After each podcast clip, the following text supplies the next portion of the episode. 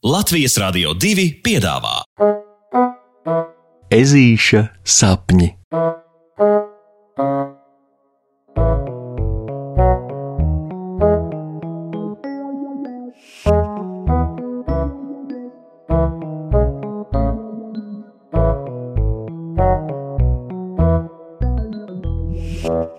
Ezītis un nežēlīgais karstums.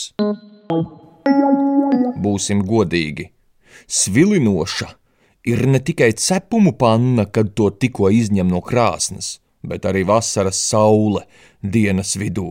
Oi, tā nu ir atziņa, kas šodien pārņēmusi ne tikai puksīša prātu vien, bet arī viņa draugu vaboļa boliņa lācēna Rokija, knapsieriņa zirneklīša Paula, vāveres Matildes, sienāzēna Žorža un, protams, arī kurmenītes Džoziferas lēnas trešās svilinošās domas. Šodien ieplaku ir pārņēmusi tāda svelme, ka liekas glābiņa no karstuma nav itin nekur, ne ūdenī, ne lapu koku pēnā, nu nekur nav miera no neatlaidīgajiem saules stariem, kas draugus vajā kā tādi razbainieki. Ah, un ko no? Izmisis režulis, ka draugi ir tikko izlīduši no Niniera ezera, kas iezīmē meleņu ieplakas ziemeļu robežu, un kas dulākais - momentāni arī nožuvuši, slapjiem dažādu kalibru kažociņiem burtiski nočūkstot saulē. Nezinādams, kur likt izmisuma pilno sajūtu, kas ežulim sakrājusies pakrūtē, mazais ežuks spēr pa gaisiem smiltis un dusmās paziņo, ka pie visa vainīgs ir viņa adatu kažoks un basta. Draugi no puksīša dusmu izvirduma nedaudz saguruši sasmejas, bet ežulis paliek pie sava. Ziniet, tādam adatu kažokam, ja runājam tieši par vasaru, protams, ir arī savi plusi. Piemēram, kad būs vējiņš, tad caur adatām tas labi atvēsina, sevišķi, ja adatas vēl saslēj stāvus aizsardzības pozīcijā. Ejot peldēties, nav līdzi jāņem peldriņķis, jo adatas palīdz turēties virs ūdens, bet, kā jau tas dabā ir iekārtots, tad viss ir līdzsvarā, un kur ir kādi plusi, tur būs arī mīnusi. Kā piemēram šodien bezvējā, kad caur adatām nepūš un nevēsina, Tās uzkarst kā tādas ogles, un karsē vēl vairāk kā parasto kažoku īpašniekus. Grrr! Puksītis rūts, bet vēsāks no tā nepaliek nevienam. Klausieties, ar to svelmi kaut kas ir jādara. Citādi es aiziešu pa pieskari, pilnīgi nopietni. Ežulis saka, uz vietas cilādams pamīšus te vienu, te otru ķepu, jo arī zeme ir karstuma karsta. Nu, ir variants, ka jūs ciemojaties pie manis.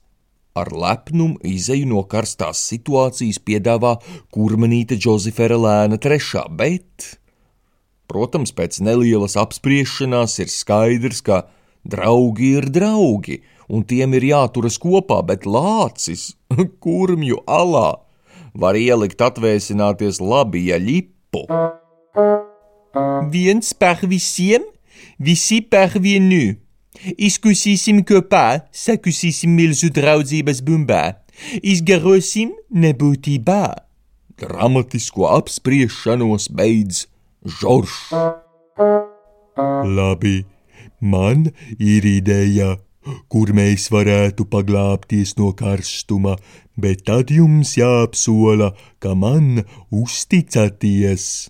Noslēpumaini novelk boliņš, censdamies savas bolacis savilkt iespējami mistiskā izteiksmē. Taču visiem ir tik karsti, ka draugi ir gatavi uz jebko, tāpēc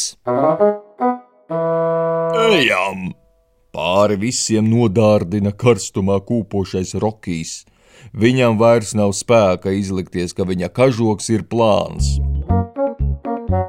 Un tā, slapstoties no ēnas uz ēnu, draugi sekodami boliņam pa pēdām attopas nonākuši biezoknī. biezoknī, kas ir tik biezs, kā pat dienas laikā te reizumis ir tik tumšs kā naktī. Boliņ, kur tu mūs esi atvedis? Lēnām un prātīgi vabolim prasa vāvere Matilde. Nu, nu šis ir burlaku biezoknis. Boliņš saka, kā paziņotu draugiem visikdienišķāko informāciju pasaulē, un puksītis uz mirkli iedomājas, ka draugu piemeklējis karstuma dūriens kā minimums. Bet, bet šeit taču nedrīkst nākt.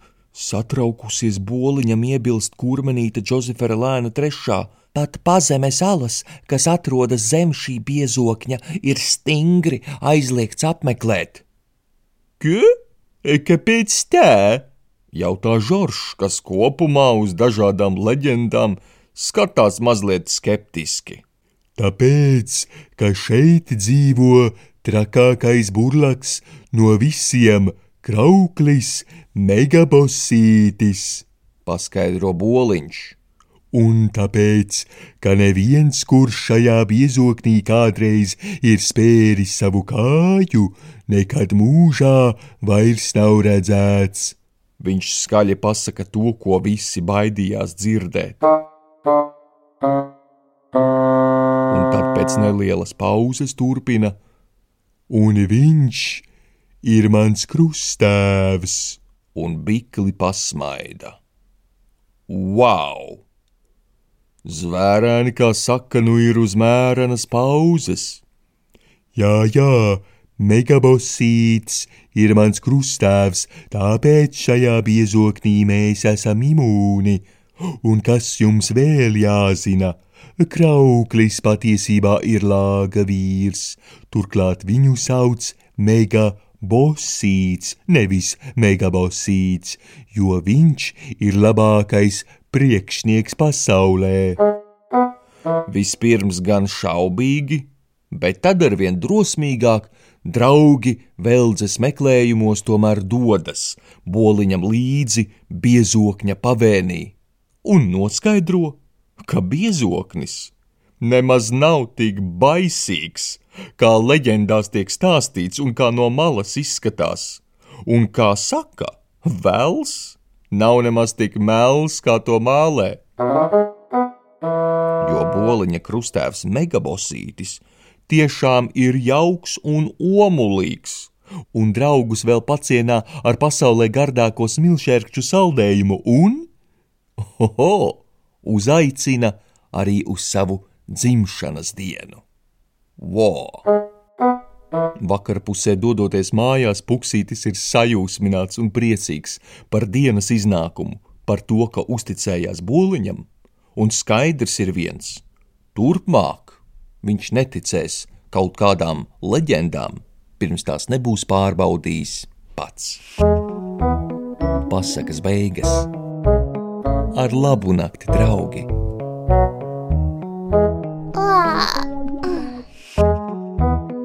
Saldus tev sapnīšus! Tiksimies rītdien!